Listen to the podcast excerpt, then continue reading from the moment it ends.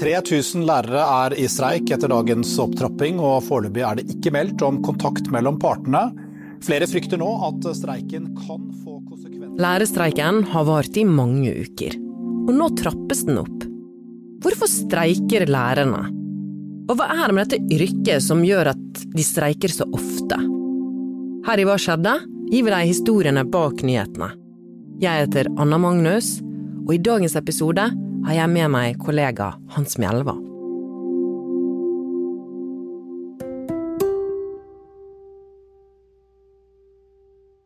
Hans, du er kommentator i Bergens Tidende. Og her om dagen så skrev du en kommentar om streiken som i hvert fall ga meg ny innsikt. Hva var det som fikk deg til å skrive den kommentaren?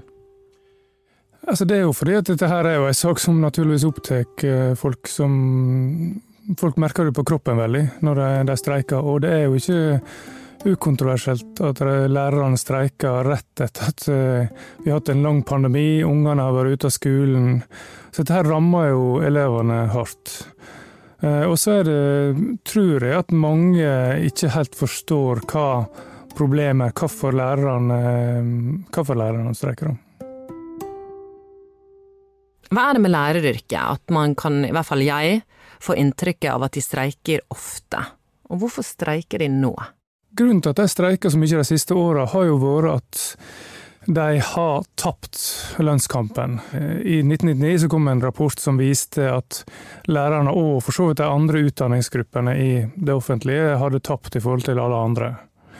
Og Det førte til at eh, lærerne fikk et lønnshopp eh, da Trond Giske og Jon Lilletun var utdanningsministre på begynnelsen av 2000-tallet, mot at de da jobba mer, eh, hadde mer obligatorisk tidsbruk, undervisning osv. Så, videre. så de ga fra seg litt, og så fikk de ganske mye mer i lønn. Og så kom Kristin Clemet i 2004 og overførte forhandlingene, lønnsforhandlingene fra staten til kommunene.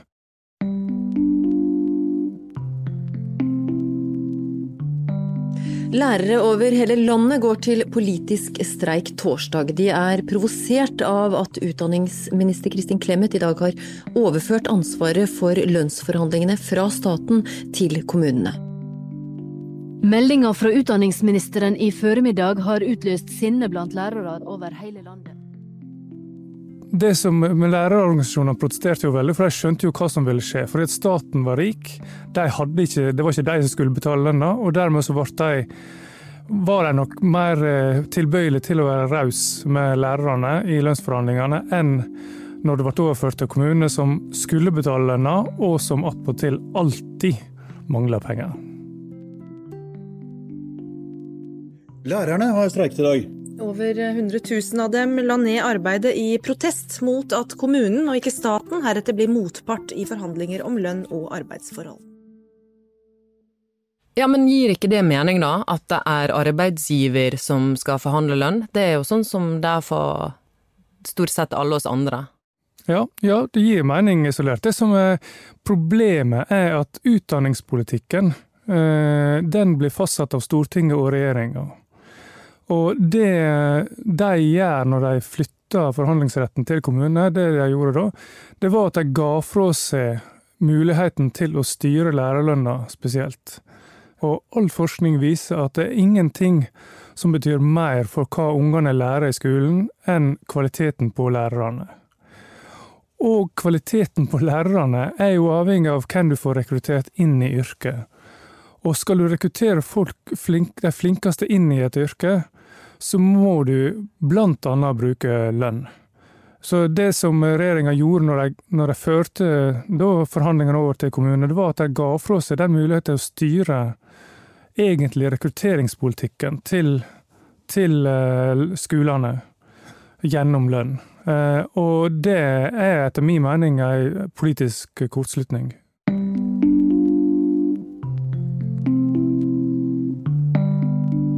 Gratulerer så mye med verdens lærerdag. Og tusen, tusen takk for jobben dere gjør for barna, for landet og for fremtiden vår. Noen spør om hva vi i Arbeiderpartiet drømmer om, hva vi kjemper for. Vi kjemper for at hvert eneste barn skal kunne realisere sine evner og talenter, leve et godt liv, få den samme likeverdige sjansen i livet. Ok, Så politikere fra stort sett alle politiske partier har skole som en av sine viktigste saker. Likevel så skriver du i kommentaren din at folkevalgte har tatt lønn og status fra læreryrket i årevis. Nå har du forklart oss dette med lønn, men hva mener du med status? Altså, Status henger jo sammen med lønn. Ehm, det gjør det jo for de fleste av oss. Men det er også et annet element eh, som har plaga lærerne, og kanskje vel så mye som lønnsfallet. Og det er at de har mista masse frihet, og at hverdagen deres har blitt byråkratisert. Dette her begynte eh, allerede på 1990-tallet med Reform 94. Eh, Grovt sett så kan du si at du fikk et system som hadde mindre tillit til at lærerne fant den beste måten å undervise på sjøl. Det ble mer kontroll. Lærerne måtte dokumentere i større grad det de gjorde. Foreldre og elever fikk større rettigheter, som gjorde at lærerne måtte dokumentere enda mer. Eh, så hverdagen eh, deres ble slukt opp av masse papirarbeid, eh, som gikk på bekostning av den tida de har til undervisning og oppfølging av elevene.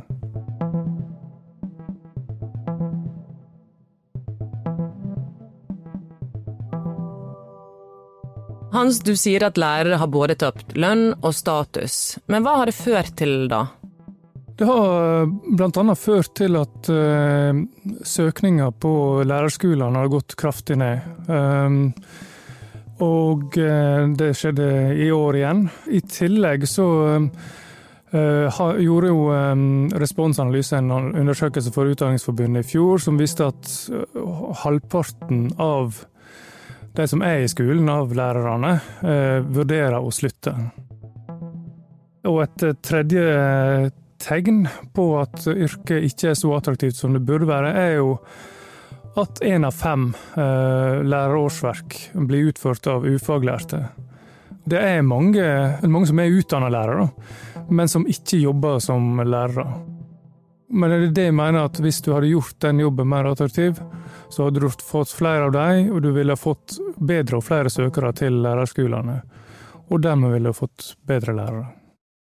Du skriver også at alt tyder på at lærerne kommer til å tape streiken som pågår nå.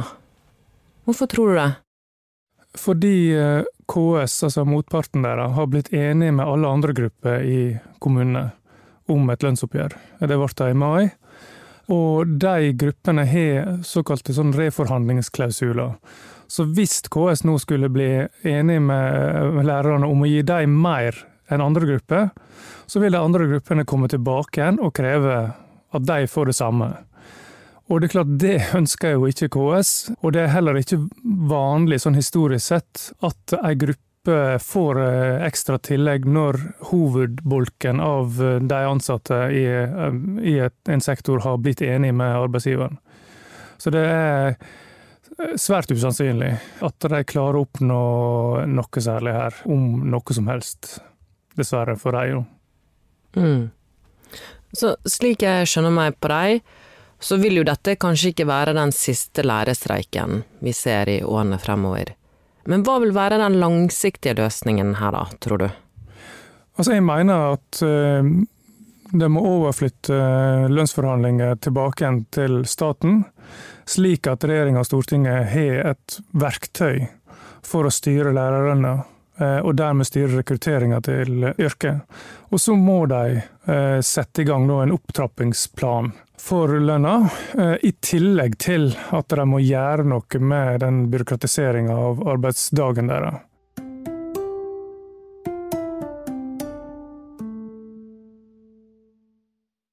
Etter at han skrev denne kommentaren, har han fått svar fra Kristin Clemet. Hun var utdannings- og forskningsminister da dette ansvaret for lærernes lønnsforhandlinger ble flyttet fra staten til kommunen. I sitt svar til Hans skrev hun blant annet det er grunnleggende usunt at en arbeidsgiver ikke skal være involvert i forhandlinger med sine egne arbeidstakere. Arbeidsgivere uten ansvar og muligheter til å påvirke forholdet til arbeidstakerne er dårlige og likegyldige arbeidsgivere. Alle andre arbeidstakere gjør det, alle lærere i andre land gjør også det.